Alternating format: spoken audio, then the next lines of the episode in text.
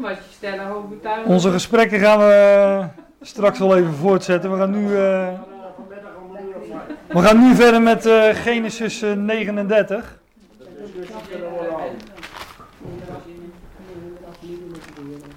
We hadden in de pauze al even over. Hè. In, Ge- in Genesis 38 heb ik een aantal dingen naar voren gebracht. Sorry. Volgens een bepaalde lijn. Natuurlijk zijn daar meerdere lijnen in, in te vinden. Daarom is het altijd goed om, eh, om elkaar daar weer in aan te scherpen en eh, nou ja, dat met elkaar te delen. Dus eh, ik heb het niet gezegd, maar u, u begrijpt wel dat ik, ja, als ik zo'n hoofdstuk naar voren breng, dat ik daarin niet volledig ben. Dat we elkaar daar dus in aan kunnen vullen en aan mogen vullen. Genesis 39 komen we dan aan, de geschiedenis van Jozef bij Potifar. En laten we die ook maar gewoon even in zijn geheel lezen.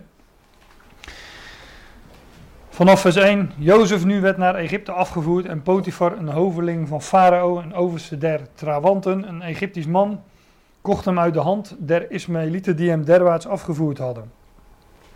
En de Heere was met Jozef, zodat hij een voorspoedig man was. En hij was in het huis van zijn heer de Egyptenaar. Als nu zijn heer zag dat de Heer met hem was en dat de Heer al wat hij deed door zijn hand voorspoedig maakte, zo vond Jozef genade in zijn ogen en hij diende hem. En hij stelde hem over zijn huis en al wat hij had gaf hij in zijn hand. En het geschiedde van toen af dat hij hem over zijn huis en over al wat het zijne was gesteld had, dat de Heer des Egyptenaars huis zegende om Jozefs wil. Ja, de zegen des Heeren was in alles wat hij had, in het huis en in het veld. En hij liet alles wat hij had in Jozefs hand, zodat hij met hem van geen ding kennis had, behalve van het brood dat hij at. En Jozef was schoon van gedaante en schoon van aangezicht. En het geschiedde na deze dingen dat de huisvrouw zijn heren haar ogen op Jozef wierp en zij zeide, lig bij mij. Maar hij weigerde het en zeide tot de huisvrouw zijn heren, zie, mijn heer heeft geen kennis met mij, wat er in het huis is. En al wat hij heeft, dat heeft hij in mijn hand gegeven. Niemand is groter in het huis dan ik en hij heeft voor mij niets onthouden dan u, daarin dat gij zijn huisvrouw zijt. Hoe zou ik dan dit een zo groot kwaad doen en zondigen tegen God? En het geschiedde als zij Jozef dag op dag aansprak en hij haar, naar haar niet hoorde om bij haar te liggen en bij haar te zijn, zo gebeurde op zul- het op zulk een dag dat hij in het huis kwam om zijn werk te doen. En niemand van de lieden des huizes was daar binnenshuis. En ze greep hem bij zijn kleed, zeggende, lig bij mij. En hij liet zijn kleed in haar hand en vluchtte en ging uit naar buiten. En het geschiedde als zij zag dat hij zijn kleed in haar hand gelaten had en naar buiten gevlucht was, zo riep zij de lieden van haar huis en sprak tot hem, zeggende, ziet, hij heeft ons de Hebreeuwse man ingebracht om met ons te spotten. Hij is tot mij gekomen om bij mij te liggen en ik heb geroepen met luide stem. En het geschiedde als hij hoorde dat ik mijn stem verhief en riep, zo verliet hij zijn kleed bij mij en vluchtte en ging uit naar buiten. En zij legde zijn kleed bij zich totdat zijn heer in zijn huis kwam. Toen sprak zij tot hem naar, de, tot hem naar diezelfde woorden, zeggende: De Hebreeuwse knecht die gij ons hebt ingebracht, is tot mij gekomen om met mij te spotten. En het is geschied als ik mijn stem verhief en riep dat hij zijn kleed bij mij liet en vluchtte naar buiten. En het geschiedde als zijn heer de woorden zijner huisvrouw hoorde, die zij tot hem sprak, zeggende: Na dezezelfde woorden heeft mij uw knecht gedaan, zo ontstak zijn toorn.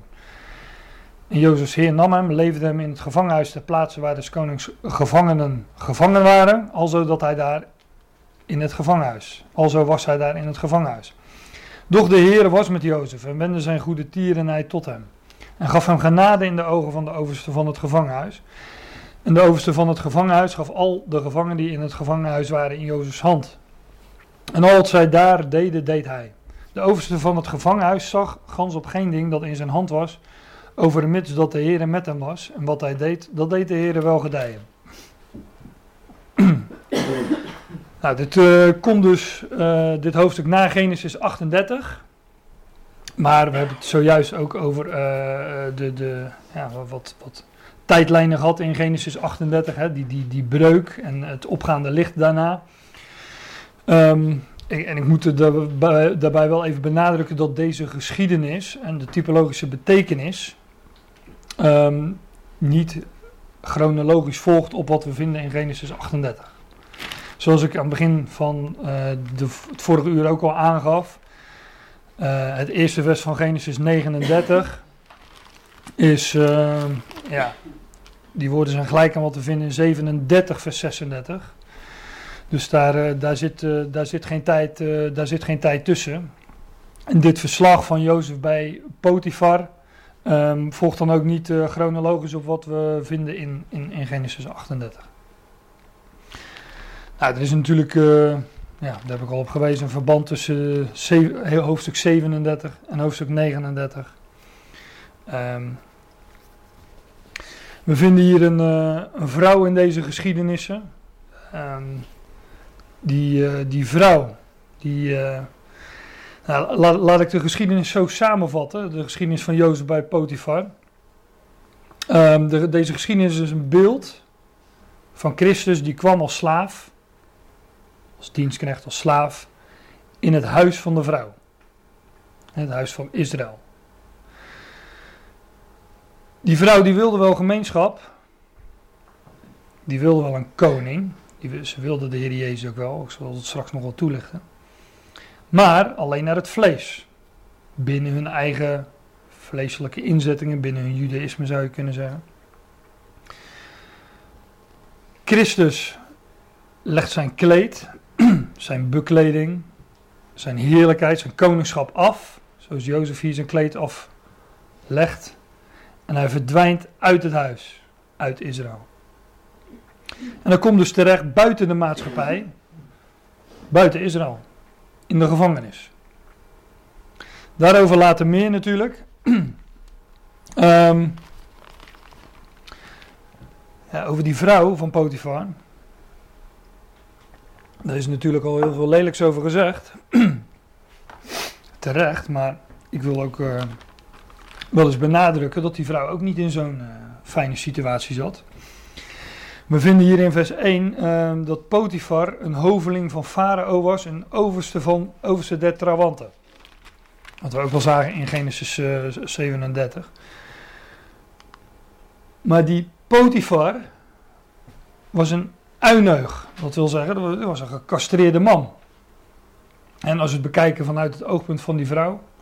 Nou, die vrouw leefde dus in een, eh, in een huwelijk. Waarin zij eh, per definitie dus onvruchtbaar was en niet in staat om, uh, om voor te brengen. Dit is overigens uh, de Engelse versie van Isa. Die, uh, waar de concurrent version geeft, geeft dus aan dat, het een, dat, dat, dat Potifar een uineug was. Um, ook in, in, de, in de Nederlandse versie van Isa, daar wordt gesproken over een, een overste. Maar als je daar... even kijken, waar stond dat? Oh Als je dit woord bekijkt, dan wordt het ook nog wel eens vertaald met, uh, met uineug. Ik weet nooit hoe je dat woord nou precies uitspreekt. Uineug, uineug. Maar het moet duidelijk zijn dat het gaat om een, uh, om een man die gecastreerd is en dus niet in, uh, in staat is zaad uh, ja, voor te brengen, nageslag voor te brengen. Dus die vrouw zat ook niet in zo'n makkelijke positie. En ja, als ze dan zo'n knappe man als Jozef, want ook dat lezen in deze geschiedenis, bij je in huis komt. Nou ja, dat gebeurt dan ook. Potifar betekent gegeven door Ra. Dus Egyptische zonnegod, naar dat schijnt. Maar ja, um, wij weten wie, uh, wie de god van de zon is. dat is uh, de Heer zelf. Hij geeft het licht. Hij is het licht der wereld. En hij geeft ook het licht der wereld. Nou, misschien zegt u, ja, kunnen we het, eh, Egyptische god, hè, kunnen we dat soort associaties wel maken? Dat is toch allemaal occult? Um, als we Genesis 41 lezen, vers 45, daar krijgt Jozef van Farao een uh, andere naam. Safnat Paneach. Uh, en daar wordt ook nogal wat, hij krijgt een, een vrouw, Ashnat. Dat betekent gewijd aan nijd of naad. Een, ook een Egyptische godin. En ook die is dochter van Potifera. Nou, dat betekent hetzelfde als Potifar. Gegeven door Ra, de zonnegod. Dan staat er in de Statenvertaling overste van On, maar dat moet zijn een priester van On. En On is de Hebreeuwse aanduiding van Heliopolis, de stad van de zon. Dus allemaal ja, wellicht uh, wat wij zouden benoemen als uh, heidense goden. Maar toch noemt de schrift ze uitgebreid. En ik geloof, uh, had in de pauze ook al even over, dat dat er geen woord in de schrift is dat er voor niet staat. En dat we ook daar onze les uit zouden leren. Dus die Potifar, gegeven door Ra, gegeven door, ehm, ehm, ja, door hem die, uh, die het licht uh, der wereld geeft. Ik geloof dat, dat Potifar hier ook een, een beeld is van God. Nou, die vrouw, dat gaf ik al aan, die is onvruchtbaar. Maar Potifar, dat uh, dat staat juist voor, voor, voor vruchtbaarheid. Dus dat is wel weer een mooie, mooie tegenstelling. We kennen dat woord far bijvoorbeeld uit, uit, uit, uit, uit woorden als farao, farao. maar ook fariseeën. Fariseeën betekent afgescheidene, een breuk maken.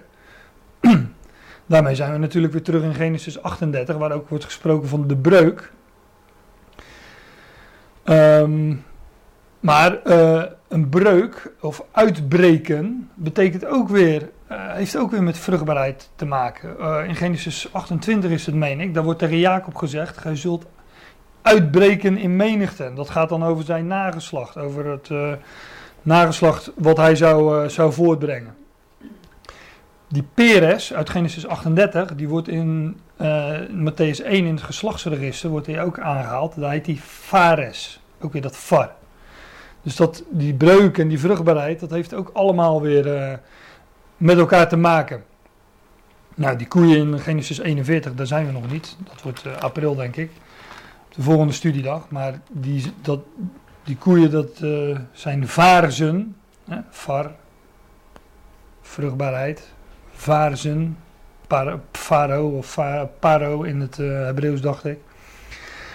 Dus die zaken hebben in ieder geval uh, allemaal, allemaal met elkaar te maken. Dus daar zit wel een, uh, een bepaalde lijn in. Maar um, die man, Potifar, uh, is dus zijn naam. In zijn naam is hij vruchtbaar. Hij is gegeven door Ra, hij is een beeld van God. Maar dat huwelijk wat er was met die vrouw, ja, in die zin was, was zij in ieder geval onvruchtbaar. Als beeld van het Joodse volk. Dat onvruchtbaar was onder de wet onder de wet des mans, hè, zoals de schrift dat ook noemt, niet in staat om daar voor te brengen, niet in staat om te wandelen in de wegen des Heren. nou, Jozef uh, die werd dus uh, slaaf, uh, net zoals de Heer uh, zich ontledigde. Jozef die werd hem overigens in Genesis 37, dat hebben we toen besproken in december, werd hem ook zijn heerlijkheid afgenomen. Zijn veelvervige rok namelijk, als beeld van de veelkleurige wijsheid van, van God. En daar kom ik straks nog wel op terug als we het over dat kleed hebben. Maar hier staat in, uh, in Filippenzen 2, dan gaat het over de Heer Jezus, die in de gestalte, die in de gestalte God zijnde, het goden gelijk zijn niet als een roof heeft geacht. Hij heeft zich dat niet toegeëigend, maar heeft zichzelf ontledigd in de gestalte van een dienstknecht, zeggen de vertalingen dan meestal, maar het is letterlijk een slaaf. Hij heeft de gestalte van een slaaf aangenomen en hij is aan de mensen gelijk geworden. Daar is Jozef hier een uitbeelding van, van Christus die, um, die zich ontledigd heeft en de gestalte van een slaaf heeft aangenomen, aan de mensen gelijk is geworden. En wij zouden zeggen, die broers hebben hem verkocht naar Egypte, en maar Jozef zegt later, nee, God heeft mij voor jullie uitgestuurd. Dus Jozef ging die weg ook in geloof. Hij heeft zichzelf ja, op die manier ook ontledigd. En de gestalte van een, uh, van een slaaf aangenomen. In vers 2 lezen we dan dat de Heere, Yahweh, was met Jozef, zodat hij een voorspoedig man was. En was in het huis van zijn, van zijn heer, de Egyptenaar. Ja, ook van de Heer Jezus lezen we natuurlijk in de evangelie dat hij voorspoedig was. omdat God met hem was. Hij, uh, hij genas mensen. Uh, hij was ook voorspoedig in zijn, in zijn wandel. Overigens staat hier het huis van, het huis van zijn Heer. Het huis van zijn Adonai is dat in het, in het Hebreeuws. En dat huis van zijn Heer ja, is dan ook een beeld van Israël. En het beeld hieruit de komst van de Heer Jezus in het huis van zijn Heer. Het huis Israëls.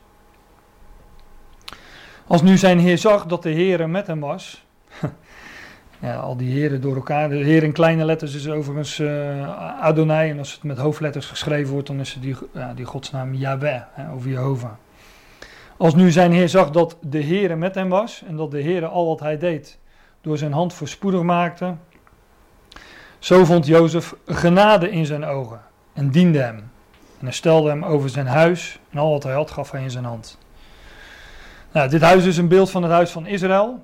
En um, ja, het is wellicht wat vreemd om, uh, om te bedenken dat, dat er staat dat Jozef genade vond in zijn ogen. En dat we aan de Heer denken die... Uh, hoezo, hoezo heeft die genade dan gevonden in, uh, in Gods ogen? Als we die lijn doortrekken naar de typologische betekenis. Maar de Heer werd ook begunstigd door zijn vader, want dat is wat genade is, begunstigen. En tot hem werd gezegd: Dit is mijn geliefde zoon, in wie ik al mijn welwagen heb. Dus ook over de Heer werd dat uh, gezegd. En het geschiedde van toen af dat hij hem over zijn huis en over al wat het zijne was gesteld had, dat de Heere des Egyptenaars huis zegende om Jozefs wil. Ja, de zegen des Heeren was in alles wat hij had, in het huis en in het veld. Nou, dat huis um, van deze Egyptenaar werd gezegend, maar ook het huis, Israëls, uh, het huis van Israël werd gezegend toen, toen de Heer daar was. Hè. Er vonden genezingen plaats, maar de grootste zegen was wellicht dat, dat, het woord, dat, dat Gods woord gesproken werd door hem. Hè, en dat, uh, dat werd hem uh, vaak niet in dank afgenomen door, door de Joden, maar wel degelijk waren natuurlijk altijd, er was zoals we bespraken was altijd een overblijfsel. En voor hem was ze wel degelijk tot zegen. Nou, hij liet alles wat hij had in vers 6 in Jozefs hand. Zodat hij met hem van geen ding kennis had, behalve van het brood dat hij at. Ja, wat dat nou precies uh, betekent, dat, uh, dat vind ik lastig. Kijk, ik weet één ding, dat brood en ander voedsel, wat je tot je neemt, dat zal je toch zelf tot je moeten nemen. En voor de, voor de maar dat is dan echt de, de platte letterlijke betekenis in deze geschiedenis. Maar wat, uh, voor al het andere kan je iemand aanstellen zo ongeveer. Maar eten zou je toch zelf moeten doen. Dus uh, behalve van het brood dat hij at uh, en al het andere liet, uh, liet Potifar aan, aan hem, aan Jozef over. Overigens zien we dat telkens terugkeren hè, bij Jozef, dat hij een beheerder was van dat huis. Straks lezen we dat weer van de gevangenis. Hier is het, het huis van Potifar. Maar ook in zijn vaders huis, in het huis van Jacob, werd hij erop uitgestuurd om uh, te kijken hoe uh, de welstand van zijn broeders was. Dus ook daar vervulde hij zo'n uh, zo'n rol. Dan lees je dat Jozef schoon van gedaante was en schoon van aangezicht. Nou, dat spreekt natuurlijk altijd van, van Christus, als we dat terugvinden in geschiedenissen. En dat vinden we nog wel eens. Kunt u, uh, kunnen jullie er een noemen? Die ook schoon was van gedaante, schoon van aangezicht? Daniel, zat dat er ook? Ja, ja. ja. Die waren er niet op achteruit gegaan toen ze op brood en water werden gezet. En groenten, maar...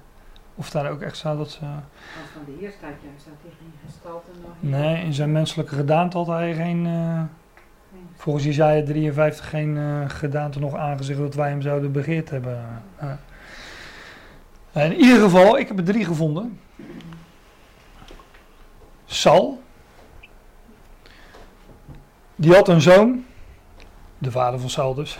Die had een zoon wiens naam was Sal een jongeling, een schoon, ja, er was geen schone man dan hij onder de kinderen Israëls.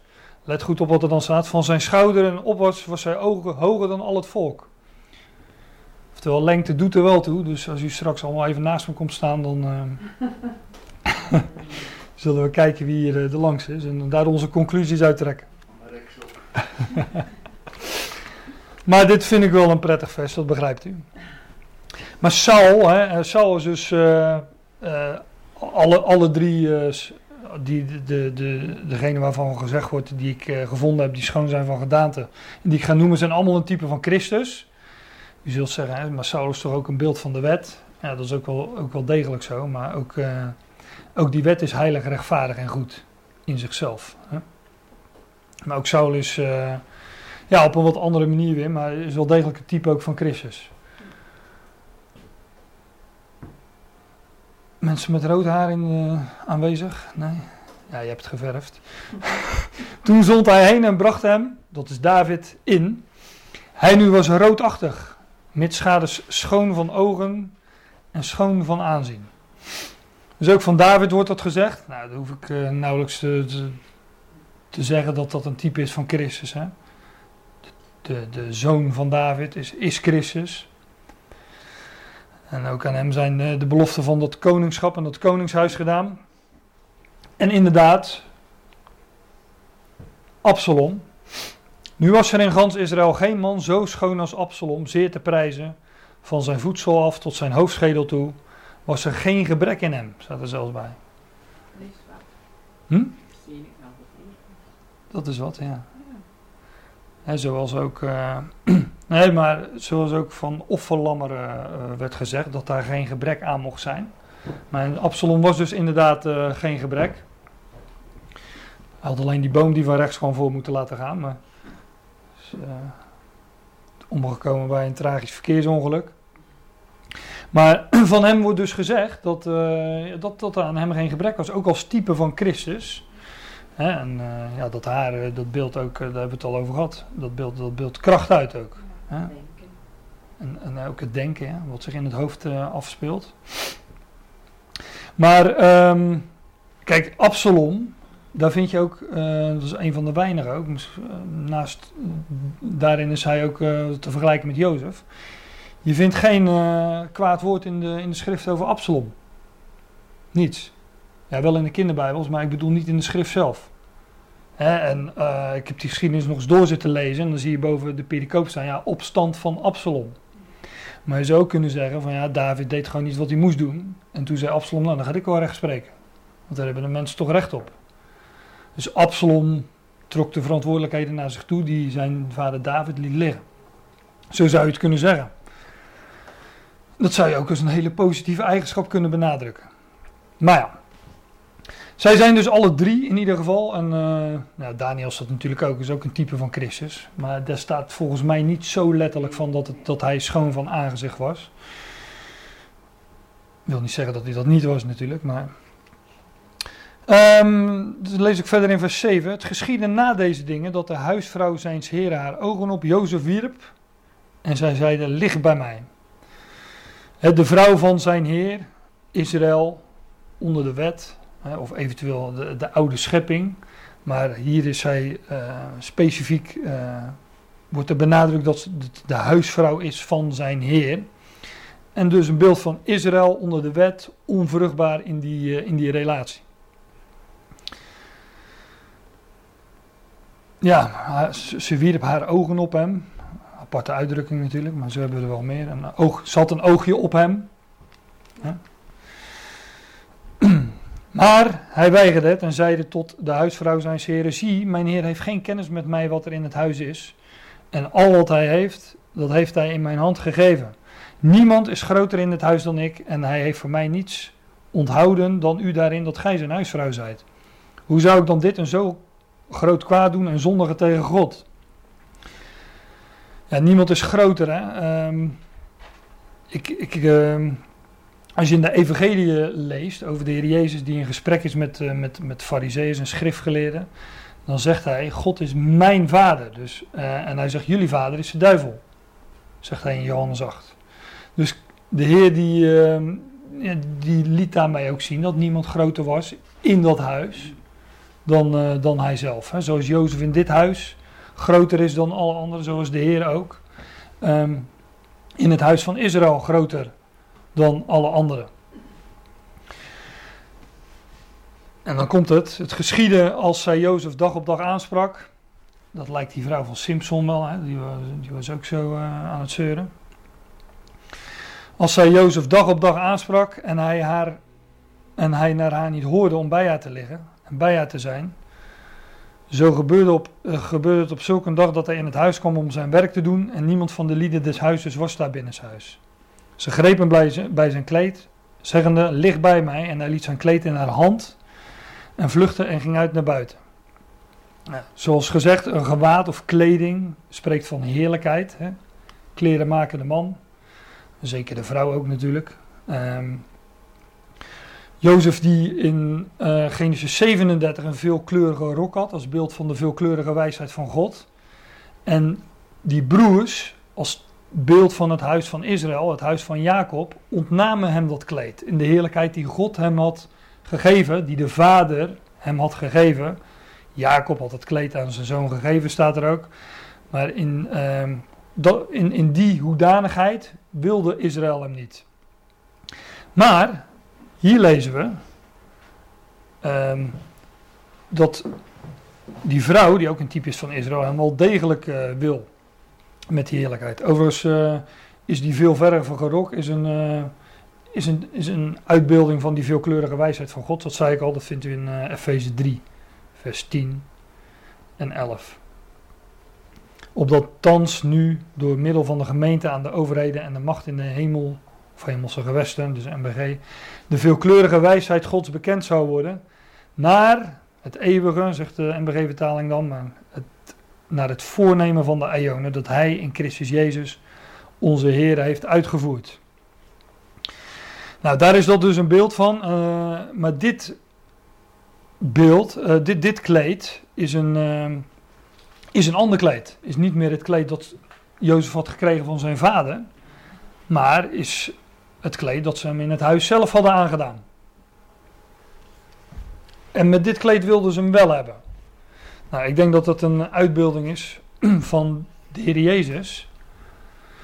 Die men niet in de heerlijkheid die de Vader hem had gegeven had, die hem de Vader gegeven had wilde hebben, maar wel de heerlijkheid zoals zij hem zelf zagen als koning. dat volk wilde best wel een koning, maar dan wel binnen hun eigen vleeselijke instellingen. Met hun eigen kleed, met dat Egyptische kleed. We vinden bijvoorbeeld in Johannes 6, vers 15 staat dat ze Jezus dan wetende dat zij zouden komen en hem met geweld nemen, omdat zij hem koning maakten, ontweek wederom. Dus dat is ook niet de eerste keer. Ontweek wederom op de berg. Hij zelf alleen. Dus ze wilden hem best nemen en met geweld koning maken, maar ja, onder, uh, onder hun eigen, onder dood dan zeg maar, onder hun eigen wetten, onder het judaïsme. Dit is een bekende geschiedenis, uh, Lucas 19, waar iets dergelijks uh, wordt gezegd. Boven de, in onze Bijbelvertaling staat meestal de intocht in Jeruzalem. Maar zover is het nooit gekomen. Het is de aftocht van de Olijfberg. Zo zou het beter genoemd kunnen worden, denk ik. Dat, beeld ook, dat, dat zegt ook wel beter wat het uitbeeldt. Um, als zij voortreisden, spreidden zij hun klederen onder hem op de weg. Lucas 19, vers 36. En als hij nu genaakte naderde aan de afgang des Olijfbergs, begon al de menigte der discipelen zich te verblijden en God te loven met grote stemmen vanwege al de krachtige daden die zij gezien hadden. Zeggende, gezegend is de koning die daar komt in de naam des Heren, vrede zij in de hemel en heerlijkheid in de hoogste plaatsen. Nou, daar beginnen de fariseeën en schriftgeleerden al te morren als uh, de mensen dit zeggen. Dus uh, daar, uh, maar men wilde hem wel degelijk daar als koning. In ieder geval een, deel van het volk wilde, wilde hem wel als koning. Maar ja, als je verder leest in, in dit hoofdstuk, dan zie je hoe het afloopt. En de Heer huilt dan over de stad Jeruzalem. En voorzegt het oordeel over die stad. Dat afleggen van het kleed is dus het afleggen van, van heerlijkheid. En um, de, vlucht naar buiten van Jozef, die we hier beschreven vinden. Hè. Zat hij in vers 12, hij vluchtte en ging uit naar buiten. Ja, is zijn weggaan, het verlaten van het huis van Israël. En de Heer legde zijn, uh, zijn aardse heerlijkheid, hier zijn aardse lichaam ook, legde hij af. Of het ook echt een beeld is van de dood, ja, dat vind ik wat lastig. Hè. Is dat afleggen van Jozef van het kleed ook een beeld van de dood van de Heer Jezus? In ieder geval het afleggen van dat koningschap, uh, wat, hij, uh, wat hij aflegde.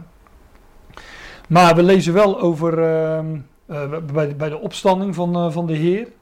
Dat zijn het geen klederen, maar doeken, maar die, die blijven daar liggen. Dus het is, daar, ook daar is het een beeld van het achterblijven van het aardse. En het opstandingslichaam, ja, dat is, dat is weg. Hij is opgestaan. Maar bij de kruising En dat heeft natuurlijk alles met zijn dood te maken. Daarvoor zien we ook dat zijn kleren afgenomen worden. Van de koning der Joden. Van hij die de koning der Joden moest, uh, moest worden, ook nog zal worden natuurlijk. En dat zijn kleed door onder de heidenen, Romeinen, Romeinse soldaten, verdeeld wordt in vier stukken. ze verdelen dat kleed in vier stukken. En ik denk dat het daar een, eh, een uitbeelding is van eh, de heerlijkheid van, van, van Christus, hè, of het heil, zo, zo je wilt, dat zich zou verplaatsen naar de heidenen, naar de natieën, naar de vier einden der aarde. Vier Romeinse soldaten. Daar zou dat lotsdeel, hè, want ze wierpen het lot over zijn klederen, daar zou dat lotsdeel terechtkomen bij de natie. In vers 13 lees ik verder. En het geschiedde als zij zag dat hij zijn kleed in haar hand gelaten had en naar buiten gevlucht was, zo riep zij de lieden van haar huis. Sprak tot hem zeggende, ziet, hij heeft ons de Hebreeuwse man ingebracht om met ons te spotten. Hij is tot mij gekomen om bij mij te liggen en ik heb geroepen met luide stem. Ja, dat is ook niet echt, uh, hoe noem je dat? Hiermee uh, laat ze toch ook zien dat ze niet zo echt trouw aan haar man is in, het, in haar taalgebruik. En het geschiedde als hij hoorde dat ik mijn stem verhief en riep, zo verliet hij zijn kleed bij mij en vluchtte en ging uit naar buiten. En zij legde zijn kleed bij zich totdat zijn heer in zijn huis kwam. En als Potifar dan thuis komt, zegt ze, toen sprak zij tot hem dezelfde woorden, zeggende, de Hebreeuwse knecht die gij ons hebt ingebracht, is tot mij gekomen met mij te spotten. dus Potifar krijgt er eigenlijk nog de schuld van ook. daar, komt het op neer.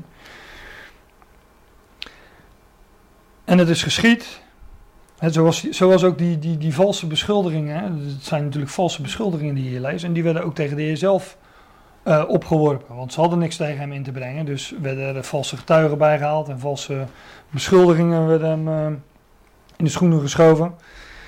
Nou, daar staat er, het is geschied, als ik mijn stem verhief en riep, dat hij zijn kleed bij mij liet en vluchtte naar buiten. Nou, daar hebben we het over gehad. En dan lezen we verder in vers 19, het geschiedde als zijn heer de woorden zijner huisvrouw hoorde, die zij tot hem sprak, zeggende, na dezezelfde woorden heeft mij uw knecht gedaan, zo ontstak zijn toorn. Nou, als ik het lees, denk ik altijd wel van zijn toorn jegens wie. Want er, wordt, wordt verder niet uh, over verhaald.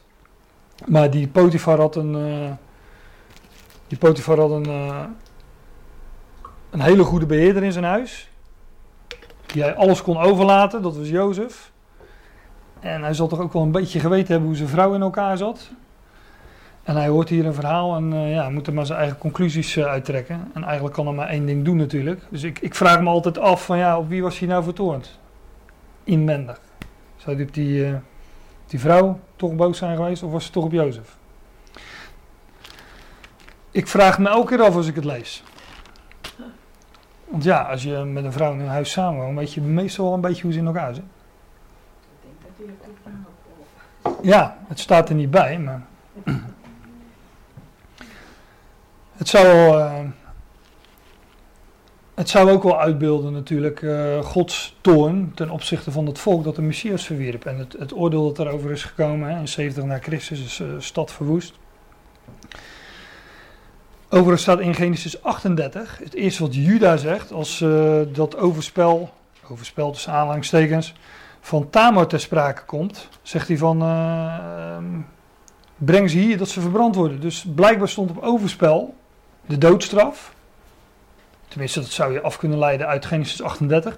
Maar ook uit Johannes 8, de overspelige vrouw. Hè, die, die moest gestenigd worden. Dat was natuurlijk onder de wet het geval. En hier was de wet er nog niet. Maar blijkbaar um, staat, er, staat daar de doodstraf op. En die Potifar gooit Jozef toch in de gevangenis. En dan brengt hem niet te dood. Nou, dat zijn allemaal van die, dingen waardoor ik dan denk van ja, op wie was hij nou zo boos? Hè? Maar hij kon natuurlijk maar één ding doen, hij kon moeilijk zijn vrouw in de gevangenis gooien. Dat doen de meeste mannen niet, dus de makkelijkste weg was voor hem om die slaaf weg te werken. Ook al deed hem dat wellicht toch pijn aan zijn hart, omdat hij de beheerder van zijn huis was. Maar niet getreurd, Potifar had nog een ander huis. En daar gaan we het nu over hebben. Jozefs heer nam hem en leverde hem in het gevangenhuis ter plaatse waar des konings gevangen, gevangenen gevangen waren. Je zou erover struikelen. Alzo was hij daar in het gevangenhuis. Dat moet me duidelijk zijn dat het om gevangen en gevangenhuis gaat. Maar Jozef wordt buiten de maatschappij geplaatst, hè, want dat is een gevangenis. Wij denken vaak iemand wordt daar opgesloten, maar eigenlijk wordt, word je in een gevangenis uh, buitengesloten. Dan heb ik hier wel eens op, op Urk aan praten over vissers en visnetten. Dat vond ik nogal lastig, zei ik toen. Net had ik het over vroedvrouwen. Dat was ook niet al te makkelijk met uh, vroedvrouwen in het midden. Maar ik heb zelf wel eens in een gevangenis gewerkt, dus daar weet ik dan alles van. Dus dat geeft mij alle vrijmoedigheid om hier uh, wat over te zeggen. Maar een gevangenis is een, is een plek waar, um, waar mensen gevangen worden. Hè? Maar die worden niet, ja, die worden wel opgesloten. Maar het idee is dat de maatschappij beschermd wordt tegen de misdadiger of de crimineel. En iemand wordt dus buitengesloten, buiten de maatschappij. Nou, dat is ook het beeld. Overigens is Jozef hier wel in die gevangenis dood voor de vrouw van Potifar. Want er is geen communicatie meer tussen dat huis van, dat huis van Potifar, waar die vrouw is, en uh, deze gevangenis. En overigens is Jozef dus ook uh, buiten bereik of dood, zou je kunnen zeggen, voor de rest van Egypte. Egypte is een beeld van de wereld. Ja, dat kan ik nu niet uitgebreid uit de doeken doen, maar dat, daar hebben we het vorige keer wel over gehad. Zullen we ook een volgende keer wellicht nog over, uh, over hebben. Egypte is een beeld van deze dualistische wereld. Hè. In Egypte is alles dubbel. We hebben boven en beneden Egypte. Uh, dromen vinden allemaal twee keer plaats, worden twee keer uitgelegd. Uh, enzovoorts. Maar daar komen we nogal op ook in die volgende geschiedenissen. Ja, de gevangenis is dus een plek waar je buiten gesloten wordt, buiten de maatschappij, vaak ook nog, in, zeker in vroegere tijden, ondergronds. Dus dat is ook een beeld van de dood onder de grond.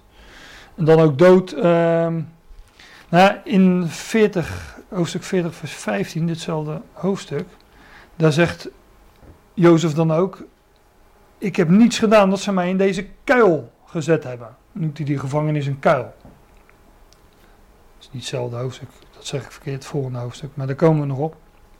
Daar wordt die gevangenis dus een kuil genoemd. Ja, en daar ben je dus dood voor de wereld. Maar dat kennen wij natuurlijk van de apostel Paulus. Als hij zegt, uh, het zij verre van mij dat ik zou roemen, anders dan in het kruis van onze Heer Jezus Christus, door welke de wereld mij gekruisigd is en ik der wereld. Dat is dus ook de positie van Jozef, die Jozef heeft in de gevangenis, is de positie van Christus. Want uh, door het kruis is de Heer Jezus Christus dood gegaan. Hij is gestorven, maar hij is daardoor ook dood voor deze wereld. Want dat is het laatste wat men van hem gezien heeft. En Paulus geeft hiermee ook aan dat wij delen in de positie van Christus. En dus met hem gestorven, begraven, opgewekt en ten hemel gevaren, in de hemel gezet. Maar dat zijn andere schriftplaatsen. Maar onze positie voor deze wereld, want daar gaat het over in Galaten 6 vers 14. Onze positie voor deze wereld is dood. Wij hebben ja, onze gemeenschap is niet met die wereld. Onze positie in Christus is een positie van buiten de maatschappij uh, en dus in de gevangenis. En die gevangenis, die is dan ook een, uh, een beeld van de, van de Ecclesia, de gemeente. Ik kom daar straks nog uitgebreid uh, op terug, omdat ook het volgende hoofdstuk zich afspeelt in een gevangenis. En ehm, ja, daar valt dus nogal, nogal wat over te zeggen. Um, ook hier vinden we overigens weer in vers 21 uh, de hand van Jozef. Zoals we de hand van uh, Zera vonden in Genesis 38. Hier, hier staat in, vers, vanaf vers 21: De Heer was met Jozef en wendde zijn goede tierenheid tot hem. En gaf hem genade in de ogen van de overste van het gevangenhuis. Exact dezelfde woorden, of vrijwel dezelfde woorden. als we zagen in vers 4. Hè. Zo vond Jozef genade in zijn ogen. Potifars ogen. En zo vindt Jozef dus hier ook genade, wordt begunstigd in de ogen van de overste van het gevangenhuis. Die overste van het gevangenhuis, dat heb ik net al even aangehaald, Ehm, in 40 vers 3, dan loop ik even vooruit naar het volgende hoofdstuk, staat, en hij leefde hen, leverde hen in bewaring ten huize van de overste der trawanten in het gevangenhuis, ter plaatse waar Jozef gevangen, Jozef gevangen was. Dus de overste der trawanten, die ook overste is van het gevangenhuis, trawanten, ja, ik heb dat ook nagekeken in, in commentaar, dat schijnt zoiets als de overste van de lijfwachten te zijn. He, uh, slagers is ook nog een letterlijke vertaling van dat woord, maar als ik het zo begrijp vanuit de schrift en hoe het gebruikt wordt, dan is het iemand die in ieder geval gesteld was over een groot deel van de, van de huishouding van, uh, van de farao, in dit geval. Maar de overste der Trawanten in 40 vers 3 wordt hij genoemd, er wordt er geen naam bij genoemd. Maar we weten uit Genesis 37 vers 36 wie daar de overste der Trawanten is. Dat was Potifar. De Midianieten verkochten hem in Egypte aan Potifar, een hoveling van Farao, de overste der Trawanten. Dus blijkbaar komt Jozef van het ene huis van Potifar, hè, dat huis met die vrouw, in een ander huis van Potifar, waar, waar Potifar ook overgesteld was. En dat huis van Potifar met die vrouw was een beeld van, de, van het huis van Israël, het Joodse volk. En hier ja, is dat een, eh, een beeld van, van de gemeente, van de Ecclesia, de gevangenis. Beide huizen in ieder geval van, uh, van Potifar. Nou, de overste van het gevangenhuis, vers 22, gaf al de gevangenen die in het gevangenhuis waren in Jozefs hand.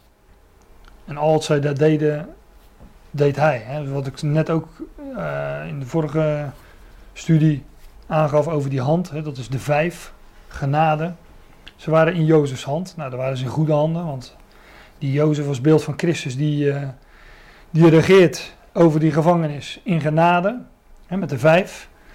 En hij, hij voorziet dan ook in, uh, in dat woord, want ook die tien heeft weer alles met die hand, met die jot te maken. Ja, en Jozef is, uh, ik noemde al eerder Adullam, maar Jozef is het hoofd van de gevangenis, zoals David uh, het hoofd was in Adullam. Hè? Ook als type van de, van de gemeente. Je, uh, David verzamelde 400 man tot zich, die allerlei schuldeisers en, en problemen hadden. Een zootje ongeregeld. Nou, zo zijn wij ook een, een zootje ongeregeld dat God bij elkaar roept, uitroept.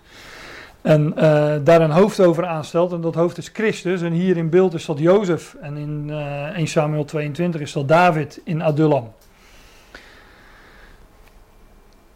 Die 400 overigens, zeg ik er nog even bij, is de getalswaarde van uh, de letter Taf. Hè? En dat betekent kruis. De Hebreeuwse letter Taf. Dus kleur het plaatje zelf in. Jozef was in het huis van Potifar, dus ja, hij was, ook, hij was in het huis van Potifar. Ja, was hij overigens ook een gevangene. Hij was een slaaf. Dus heel veel verandert er niet voor hem. Komt alleen van het ene huis in het andere huis. En die vrouw was ook gevangen in dat huis, want die was onder de wet. Dus dat was eigenlijk ook gewoon een gevangenis. Alleen een net iets ander. Nou, Jozef wordt daar dus een, een dienaar van de gevangenen, lezen we. al de, uh, hij dient ze daar. Maar zo lezen we dat ook van Christus. Overigens ook van Paulus. Als die, die zegt dat zelf ook, dat hij een dienaar van de gemeente is, van de Ecclesia. Zoals David in Adullam, zoals Christus de gemeente. Daar kan ik natuurlijk talloze schriftplaatsen van aanhalen. Ik heb er, uh, ah, die had ik ook nog, Efeze 4 vers 1. Paulus noemt zich een gevangene in de Heer. Hè? Dus Paulus was een gevangene. Zoals Jozef hier een uh, gevangene was. En overigens, dat moet ik er wel bij zeggen. Uh, wij, zeggen. wij denken vaak als we dit lezen, ja, Paulus was een gevangene van de keizer. Maar hij zegt zelf dat hij een gevangene is in de Heer. En Paulus, zijn gevangenschap was wel een gevangenschap, maar was een, was een vrijwillige gevangenschap. Hij was vrijwillig uh, in gevangen, uh, ja, hij was vrijwillig een gevangene. Hij zegt ook, um, nou, tegen hem wordt gezegd door de Heer, dat was hem voorzegd, dat hij naar Rome moest gaan. De volgende nacht stonden de heren bij hem en zeiden, heb goede moed Paulus, want gelijk gij te Jeruzalem van mij betuigd hebt, alzo moet gij ook de Rome getuigen. Handelingen 3 vers 23 vers 11. Paulus was dus voorzegd dat hij ehm, eh, naar Rome moest. En toen hij dan ook ehm, ehm, voor uh, overste en stadhouder stond, uh, beriep hij zich op de keizer. En de schrift zegt dan ook zelf dat hij vrij zou geweest zijn als hij zichzelf niet op de keizer had beroepen. Dus Paulus moest naar Rome, dat wist hij, daardoor beriep hij zich op de keizer en ging naar Rome. Anders was hij een vrij man geweest. Vindt dat in Handelingen 26, waar Agrippa zegt tot Festus: deze mens kon losgelaten worden indien hij zich op de keizer niet had beroepen. Dus Paulus was wel in een, gevangen, in een gevangenis, hè, zoals wij in de gevangenis de Ecclesia zijn. Maar uh, ja, dat, uh, wij hebben er geen last van dat we in die gevangenis zijn. Paulus ook niet, hij deed dat vrijwillig. Graag zelfs. En zo delen wij ook graag in die, in die gevangenschap. Om dat zo te zeggen. En later lezen we ook dat Paulus um, in Handelingen 28, de laatste versen, 30 en 31, Paulus bleef twee gehele jaren in zijn eigen gehuurde woning. Dat is dus zijn gevangenschap, hè, zijn eigen gehuurde woning. Hij moest er nog voor betalen ook. En hij ontving allen die tot hem kwamen, predik, predikende het koninkrijk Gods en lerende van de Heer Jezus Christus met alle vrijmoedigheid onverhinderd. Mooie woorden om in een gevangenis te, te, zijn, een eigen gehuurde woning en alle te ontvangen die tot je kwamen. iedereen die het maar wil horen. Daar sprak Paulus uh, mee over het koninkrijk van God en hij leerde, hij onderwees hen van de Heer Jezus Christus met alle vrijmoedigheid onverhinderd. Nou, dat is ook onze gevangenschap tussen aanhalingstekens in de Ecclesia. Wij uh, prediken het koninkrijk van God, wij leren van de Heer Jezus Christus met alle vrijmoedigheid en onverhinderd. En dat doen wij overigens gedurende deze twee millennia, deze twee gehele jaren. Paulus zat dus gevangen in die eigen gehuurde woning, twee jaar, nou enzovoorts. Dus hoezo gevangen eigenlijk, hè? zou je kunnen zeggen als je dit zo leest. nou, Jozef die uh, gaat van het ene huis van Potifar naar het andere. Hè? Zoals we lezen dat in de Oud-testamentische geschriften dat het huis is Israël, het huis van Israël. Zo lezen we ook later in het Nieuwe Testament, ook bij Paulus, over een huis. Zo zijt gij dan niet meer vreemdelingen en bijwoners, maar medeburgers der heiligen en huisgenoten van God. Paulus spreekt hier over de gemeente, de Ecclesia, op welke ook gij mede gebouwd wordt tot een woonstede Gods in de geest. Een, geestelijke, een geestelijk woonhuis, een geestelijke woonstede. Daar gaat het over. Dat is die, uh, ja, dat is die Ecclesia. En Hebreeën 3 vers 6 tot slot. Maar Christus als de zoon over zijn eigen huis, wiens huis wij zijn. Nou, dat is dat andere huis van Potifar, die, uh, die gevangen is, waar Jozef uh, in terecht komt. En ehm, nou, de gevangenen hebben het daar goed in ieder geval, hè, want Jozef dient hem. En de overste van het gevangenhuis zag gans op geen ding dat in zijn hand was. Lees dan ook in vers 23. Overmits dat de Heer met hem was. En wat hij deed, dat deed de Heer wel gedijen. Nou, in die positie eh, leven wij. Uh, dat is een mooie positie. Maar het volgende hoofdstuk gaat daar, uh, spreekt daar verder ook over, over die gevangenis. Dus dat gaan we voortzetten na een pauze.